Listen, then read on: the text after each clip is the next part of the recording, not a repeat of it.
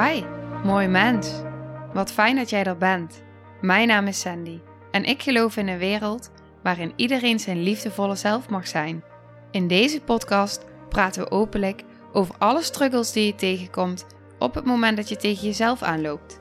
Vanuit mijn kennis en ervaring deel ik levenslessen en geef ik je inspiratie hoe jij vanuit pijn en angst weer voor liefde en vertrouwen kunt kiezen, zodat jij, dwars door het donker, de weg terug kunt vinden naar het licht in jezelf.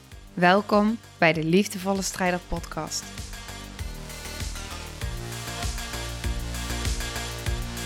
Hey, hallo. Wat fijn dat jij weer luistert en wat fijn dat jij weer kijkt. Dit is deel 2. Dit is een vervolg op de vorige aflevering. Ik heb de vorige aflevering, ehm, nou heb ik niet op het einde gezegd van nou de aflevering is nu afgelopen.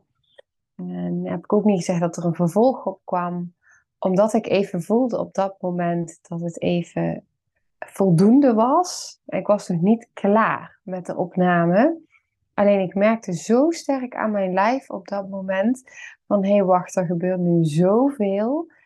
Ik heb even ruimte nodig om hiermee te zijn. Er is zoveel geraakt ook in mijn binnenwereld op dat moment dat ik dacht hé hey, wacht eens eventjes. Wat, wat, wat betreft hier nu de aandacht en wat wil er nu gezien en gevoeld worden? Dus ik voelde dat ik hem even mocht en ik wil bijna zeggen moest afsluiten. En, maar ik was nog niet helemaal uh, tot waar ik wilde zijn in de aflevering. Dus vandaar dat er een vervolg nu komt. En ik raad je ook aan op het moment dat je deze gaat eh, bekijken of luisteren, om even de vorige aflevering ook te checken. Omdat die alvast, want deze aflevering en de vorige aflevering gaat eigenlijk heel erg over de traumasporen die nog in je lichaam, in je zenuwstelsel, in je brein uh, actief zijn. Op het moment dat je trauma meemaakt en hoe jonger je bent, hmm, ja, het is eigenlijk verwonding. Trauma is, is verwonding en op het moment dat je dat meemaakt, dan gebeurt er iets fysiologisch in jouw systeem. Het heeft effect op hoe jouw zenuwstelsel de wereld ervaart. En die ervaart de wereld gewoon anders dan iemand die niet uh, dat trauma op die manier heeft ervaren. En daar is je hele systeem op gebouwd. En ik weet dat de vorige aflevering die ik opnam met de voorbeelden die ik gaf, en ik ga in deze aflevering ook nog wat voorbeelden geven, dat je daarin zo mooi eigenlijk kan zien en aflezen dat, wat er, dat op het moment dat een zenuwstelsel die dus ehm, op die manier dus is afgesteld. En de wereld dus zo anders ervaart en is afgesteld op het, op het trauma en op de traumasporen en op die manier reageert. Dat die dus op het moment dat jij dan in een nieuwe situatie komt, uit je comfortzone, in een andere omgeving, eh, dat, je, dat, dat ik dus heel erg heb beseft van wow, maar dit is dus eh, wat er dus nog steeds ehm, in mijn lichaam als vanzelf gebeurt. Want mijn lijf ziet overal het gevaar. En dat is het effect van een onveilige hechting. En dat het zo voelbaar, dat hoe diep dat ge, geïmpregneerd eigenlijk zit eh, in, je, in je lijf, in je cellen, in je zenuwstelsel. Want dat is natuurlijk, dit, dit is hoe je bent gebouwd. De eerste jaren, de, de fase voordat je uh, geboren wordt in de baarmoeder, um, je geboorte, de eerste jaren daarna, dat er nog geen woorden zijn, daar word je helemaal ontwikkeld. En als je dan onveilig hecht, uh, ja, hoe, hoe ervaar je dan vervolgens de wereld? Onveilig dus. En uh, ja, ik, ik, ik voelde zo dat dat het zo in die, in die vakantie, in die twee dagen, dat, dat het zo zichtbaar werd in hoe, hoe ik me voelde van binnen. Ja, dat ik je daar gewoon heel graag in wilde meenemen. En ik wil dan nog een vervolg aangeven. Ik wil een vervolg geven aan eh, de vorige aflevering, waar, waar ik dus de voorbeelden gaf. Betreft um, het gevaar wat ik overal zag in de kleding die ik droeg. Ehm, de, de, mensen die ik tegenkwam, wat dat met mijn systeem deed. En ook natuurlijk het effect van het vermijden door jezelf af te leiden en vervolgens weer bewust aanwezig te zijn in alles wat er is. En dat dus zelfs de natuur, dat ik ook bij mezelf voelde van wow, zelfs in de natuur ervaart mijn lijf, mijn zenuwstelsel, mijn brein, ervaart dus gevaar. Want de wereld is dus voor iets in mij, en ik ontmeng hem ook gelijk, want voor iets in mij dus toch echt wel een onveilige plek. En het gaat gewoon heel diep. En trauma is zo ongelooflijk gelaagd. Sorry. ja, het is zo gelaagd. Daarom is het ook zo belangrijk om uh, ook de manier hoe ik werk, ik geloof daar heel erg in. Ook om wat ik zelf heb ervaren op het gebied van heling. Het gaat zo in uh, lichaam, uh, geest en ziel. Het is zo die combinatie.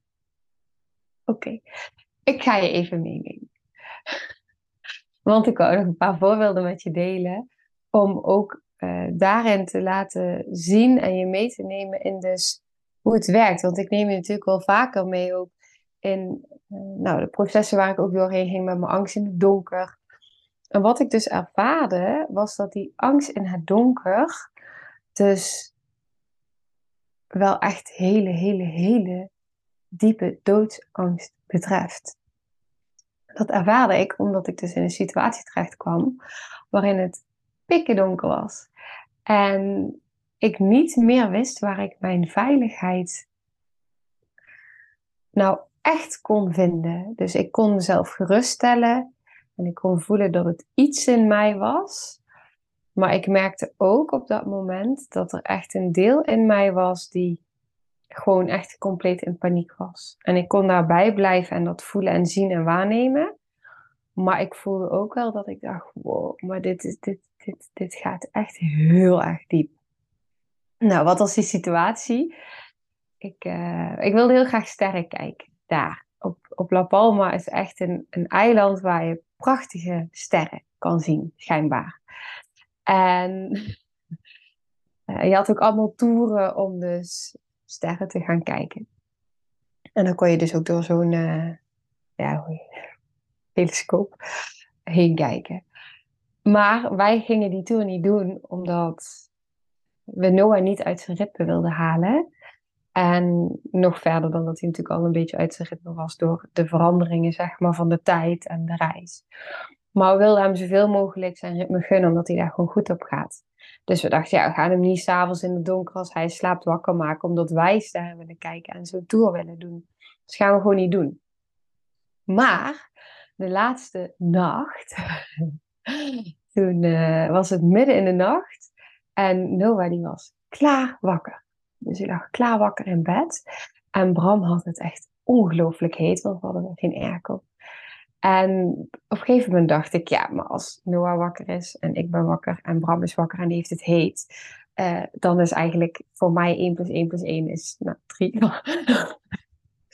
ehm, oké, het was in ieder geval dat ik dacht, oké, Bram die kan dus in de auto is airco, dus een win.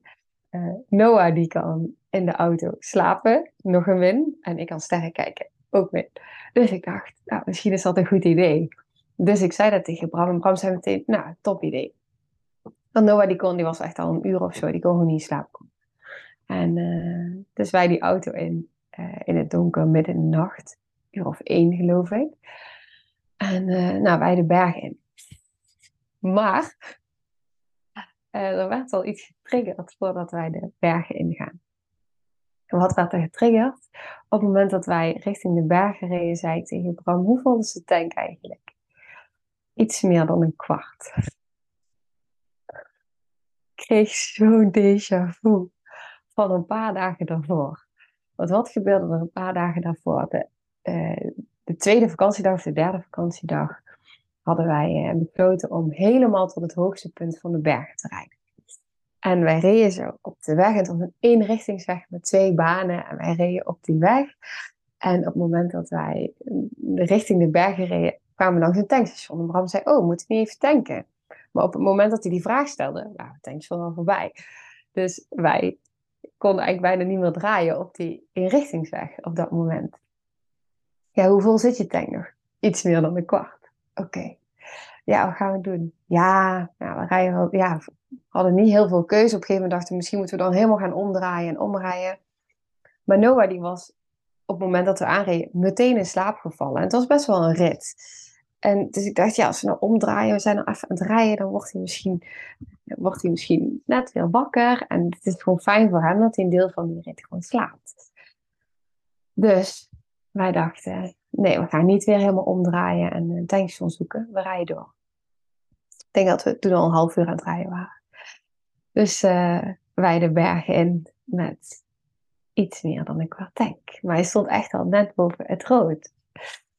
Dus die bergen in. En op een gegeven moment zei iets in mij van, oh god, oh god. En als de benzine op is. Want het gaat best wel hard als je via allemaal kronkelwegen zo die bergen in gaat. En je gaat steeds hoger en hoger. Nergens een tankstation natuurlijk te bekennen op die wegen. En hoger en hoger en hoger. En op een gegeven moment kwamen we tot het besef van, ja, we gaan dit niet redden. Dus iets in mij dacht, oh god, oh god, oh god, daar komen we daar stil te staan. En dan hebben we geen benzine en we hebben een kind bij en het is hartstikke warm. En we hadden gelukkig genoeg eten en Noah sliep nog steeds. Dus in die zin was dat heel fijn. Maar iets in mij vond het wel heel erg spannend. En op een gegeven moment kwamen we tot de conclusie van, nou, als we maar boven, als we maar boven komen, want dan rollen we wel gewoon weer naar beneden of zo. Dus ik dacht, nou, best een goed idee. Uh, moet lukken. Dus uh, steeds hoger. En dacht, oh, als we het maar redden tot bovenin die, tot bovenin die berg. Want ze ging steeds verder in dat rood. En als we het maar redden tot daar. Nou, echt mega spannend. En uh, Bram zei, ja, we hoeven alleen maar naar beneden te rollen. En dan, dan komen we gewoon weer mijn tankstation uit. Ja, oké. Nou, op een gegeven moment en kronkelwegen en uh, die tank. En nou, dat deed wel iets met mij. Dus ik had echt wel met momenten dat ik dacht van... Oké, gewoon rustig blijven. Alles komt goed. Gewoon vertrouwen. En, uh, dus ik was mezelf de hele tijd aan het gaan stellen. Op een gegeven moment waren we boven. Gelukt. Check. Het gingen we naar beneden. Zet de motor uit. En die gaat met die motor uit, gaat hij gewoon remmen en remmen en zo. Maar op een gegeven moment begon, rook ik iets. En ik ben ook gevoelig voor geur, dus ik rook best wel snel iets. En dus ik rook iets. Ik zeg, het gaat niet helemaal goed, uh, lief schat. Dus de ramen open. Ja, er komt rook van de remmen. Oh mijn god. Dus um, wij stoppen, waren de ramen overbehit. En uh, ja, het waren net, net een stukje. Ja, en nu? Want ja, stond nog steeds op die berg. En dan gaan we toch nog maar op dat beetje wat er nog in zit hopen dat we bij een tankstation uitkomen. Oh, dus ik zat dan in die auto en ik kwam en ik dacht, oké, vertrouwen, oké, rustig, oké, komt allemaal goed. Nou, we hebben het gered. Um, denk het echt katsleeg. Um, maar we zijn er echt gekomen en ik zat ook echt de laatste minuten in de auto van, oké, nog, uh, nog zoveel kilometer, nog zoveel minuten, moet goed komen, moet lukken. Maar iedere keer wel stoppen, want die remmen waren heet en met water erop erin. Geen idee of het allemaal kon. Op een gegeven moment ging er een lampje branden, die werd oranje. Dat... oh, oh, oh, want ja, die remmen zijn gewoon heet. Maar ik had wel gevonden, boven in de berg hadden we natuurlijk ook geen bereik. Uh, op een gegeven moment waren we dus al wat lager en toen kon ik op Google zoeken. En toen had ik wel gevonden van je kan beter met je remmen uh, doorrijden, zodat ze kunnen afkoelen. Want ja, als ze blijven stilstaan, blijven ze heet. Uh, maar ja, dus niet op die kronkelwegen, want dan moet je altijd blijven remmen. Nou, goed, gered. Maar dus een paar dagen later, toen we dus aanreden in het donker, en dat is nog iets meer dan in zat, dan kreeg ik echt zo'n déjà vu en ik dacht, oh god. Maar ja, goed, er zat nu iets meer in. We hoefden niet zo diep te bergen in. Dus ik dacht, nou oké, komt goed. Want de tankstations waren ook gewoon uh, s'avonds niet uh, open, zeg maar, daar op dat eiland. Oké, gaan we dit doen? Ja, dan gaan we niet zo hoog en niet zo ver. Maar we konden uh, vanaf het appartement geen sterren zien die avond. En ik had geen idee of dat de andere avonden wel kon, want dan sliepen we al. Dus die konden we niet zien, maar we wisten wel dat de wolken echt heel laag hingen. Uh, want er hing altijd zo'n hele wolkendek om het eiland heen. En dat hadden we ook van boven kunnen zien. Dus we dachten ook van nou, we moeten wat hoger. denken we. Want dan kunnen we voorbij die wolken en dan kunnen we de heldere lucht zien. Maar ja, het was een spikken donker en er was echt niemand te bekennen op dat eiland. Uh, zo diep in de nacht. Dus wij reden die berg in en op een gegeven moment kom je dus op die kronkelwegjes. Ja, en toen merkte ik dat we op een gegeven moment de route in wilden gaan en dat ik echt, echt in mijn hele lijf voelde, hell no, dit gaan we echt niet doen. Ik kreeg echt gewoon zo'n verkramping en ik dacht echt, ja, compleet als ze dat gaan doen, ik raak gewoon in paniek. En ik ging mezelf ook die vraag stellen van, ja, maar wat, wat Noah sliep gewoon al binnen één minuut, dus dat was echt heel fijn. Maar dat ik ook mezelf die vraag ging stellen van, maar wat is dit nu? Waarom ben ik nu zo bang? Ik was zo ongelooflijk bang in het donker. En mijn grootste angst op dat moment was dat we dus eh, op die kronkelweegjes de bergen in zouden rijden. En dat we dus met een kapotte auto of een lege auto, maar dat we dus in de middle of nowhere met, met Noah uh, in het donker, dat we daar zouden stranden. En dan zegt iets in mij van ja, maar wat is dan de, drama op zo'n moment? Want je bent in de natuur, er is niks aan de hand, je hebt elkaar.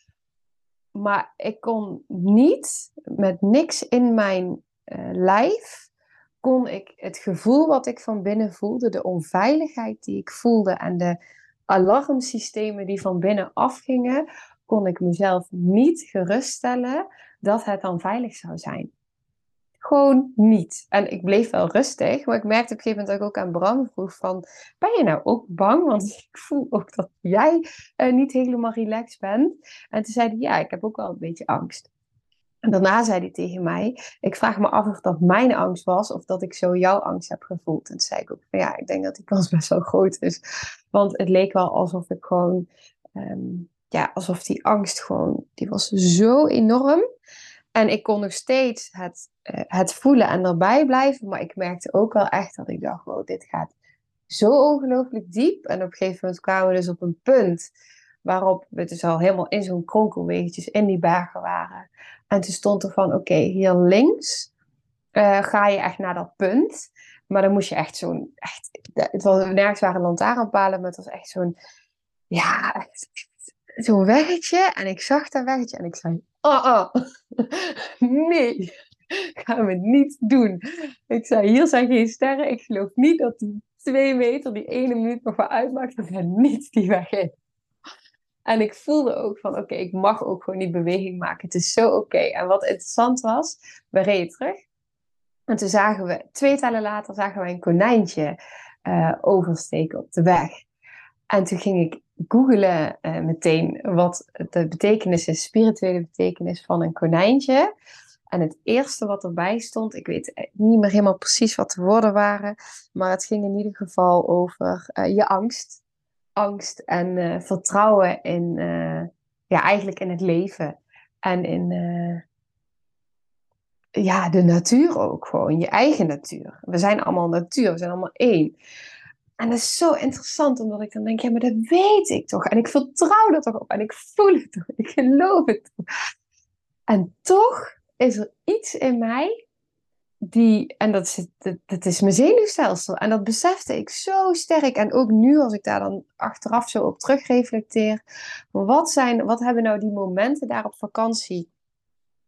Uh, waarom gaat dat dan zo diep? En wat is dan het effect? En dan kom ik de hele tijd op hetzelfde uit. Het is mijn zenuwstelsel die zo ongelooflijk geprogrammeerd is op het is onveilig. En ik moet je beschermen. En um, de controle vervalt in het donker, want dat is wat ik echt altijd voel. Ik kan het niet meer zien. Um, ik heb natuurlijk, ik ben heel gevoelig ook voor. Ik heb natuurlijk in het donker ook heel veel um, andere energieën uh, waargenomen. Uh, naast fysiek ook non-fysiek, zeg maar. Um, entiteiten, wezens. Um, echt allerlei wezens ook. Dus ik heb, en daarin zat ook altijd heel veel doodsangst. Als ik slaapverlammingen krijg, dan voel ik gewoon bepaalde entiteiten en wezens. En dat, dat, dat, dat verlamt me. Uh, en die, die angst die ik dan voel, is echt ook echt, echt doodsangst. Dus ik weet ook dat, dat iets in mij ook gewoon. Uh, het gaat zo buiten de controle op dat moment. Ehm, en dat is natuurlijk ook wat mijn zenuwstelsel het liefst wil doen. Die wil die controle houden, want trauma is ook buiten je controle. Dus het is, ik kan het allemaal zo verklaren. Ehm, maar goed, dat neemt niet weg dat het me ook al een beetje overviel. Eh, dat ik ook voelde van wow.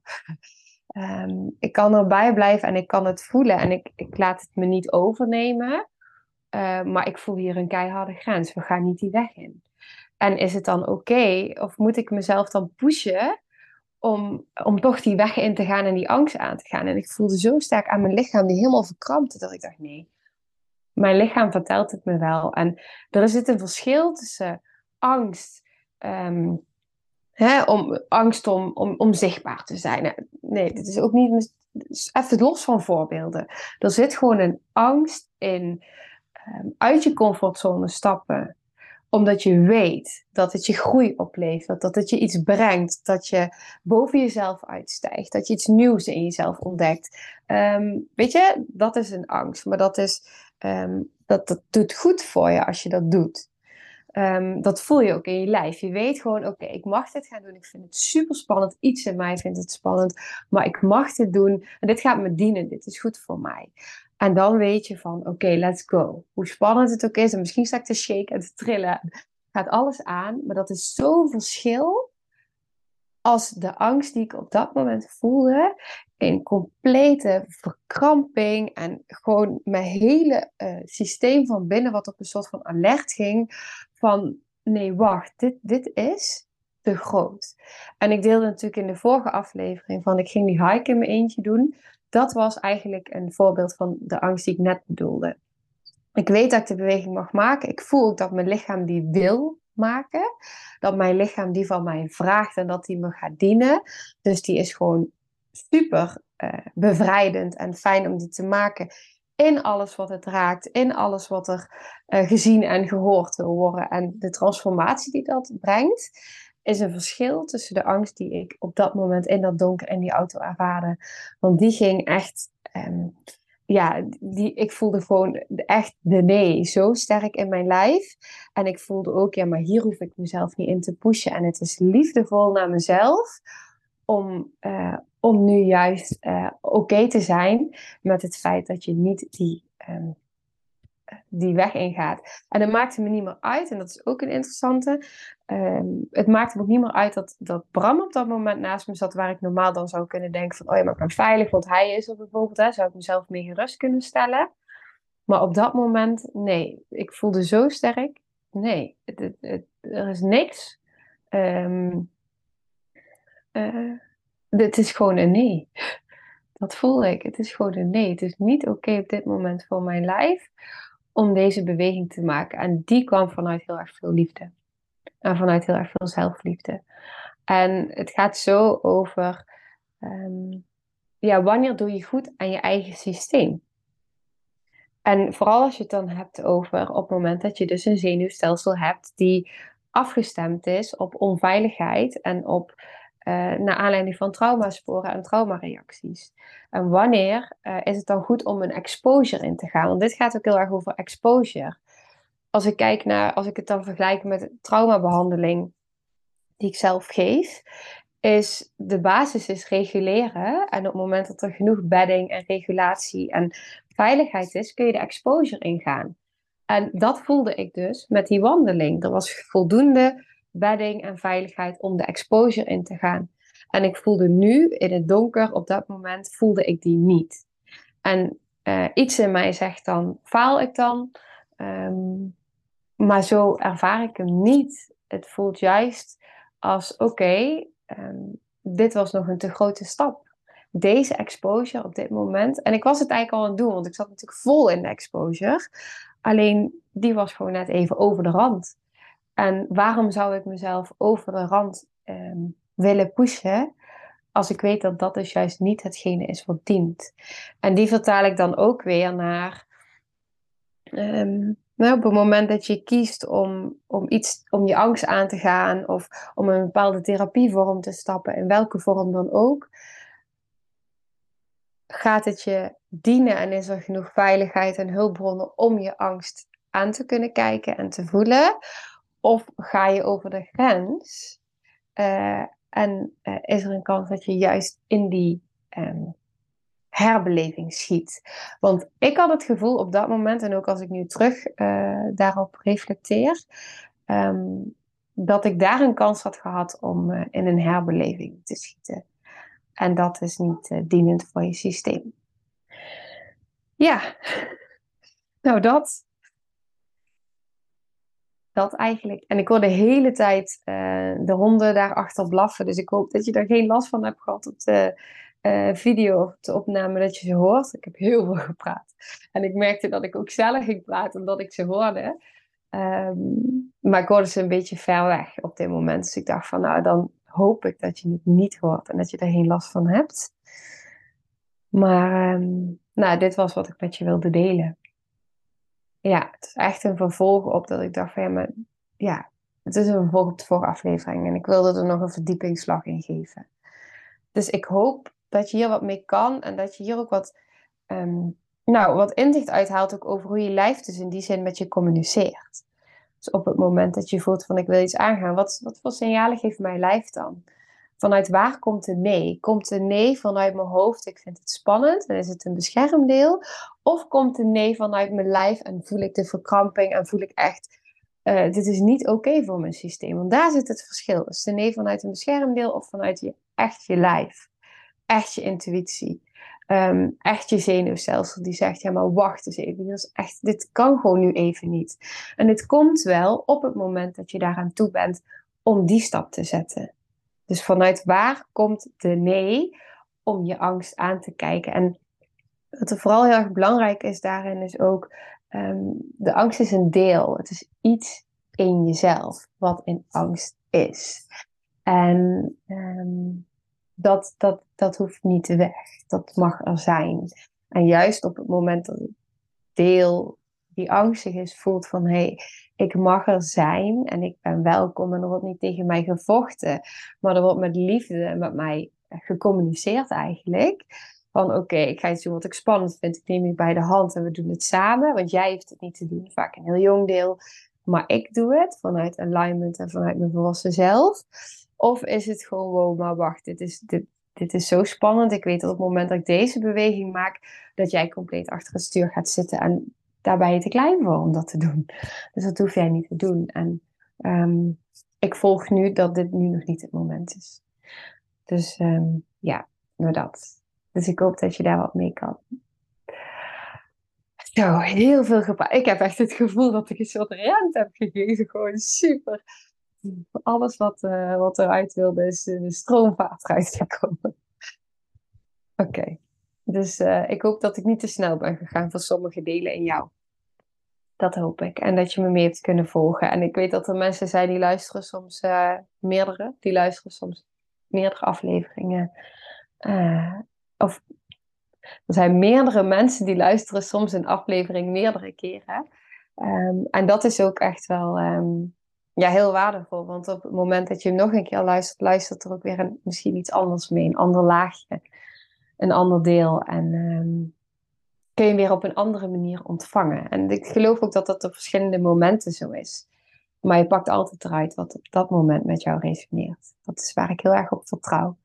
Dus um, neem dat vooral voor jezelf mee, wat op dit moment van jou resoneert. En uh, ja, vooral wat voor jou past. Oké, dan ga ik hem nu afronden. Heel veel liefs voor jou en dank je wel voor het luisteren. En dank je wel dat je er bent. Hmm. Nou, lieve mensen, ontzettend bedankt voor het luisteren. Ik ben heel benieuwd wat je van de aflevering vond en welk inzicht je eruit hebt gehaald. Mocht je nog vragen hebben of is er een onderwerp waar je meer over wilt weten, laat het me dan weten. En wie weet neem ik het mee in een van de volgende afleveringen. Als je het leuk vindt, kun je de aflevering delen. Of maak een screenshot en tag me op Instagram. Want ik vind het echt super tof om te zien wie er luistert. De link van mijn Instagram staat in de beschrijving bij de podcast. En wil je blijvend geïnspireerd worden? Klik dan op abonneer of volgen in de podcast-app waarmee je luistert. Dat zouden ik en alle toekomstige luisteraars enorm waarderen.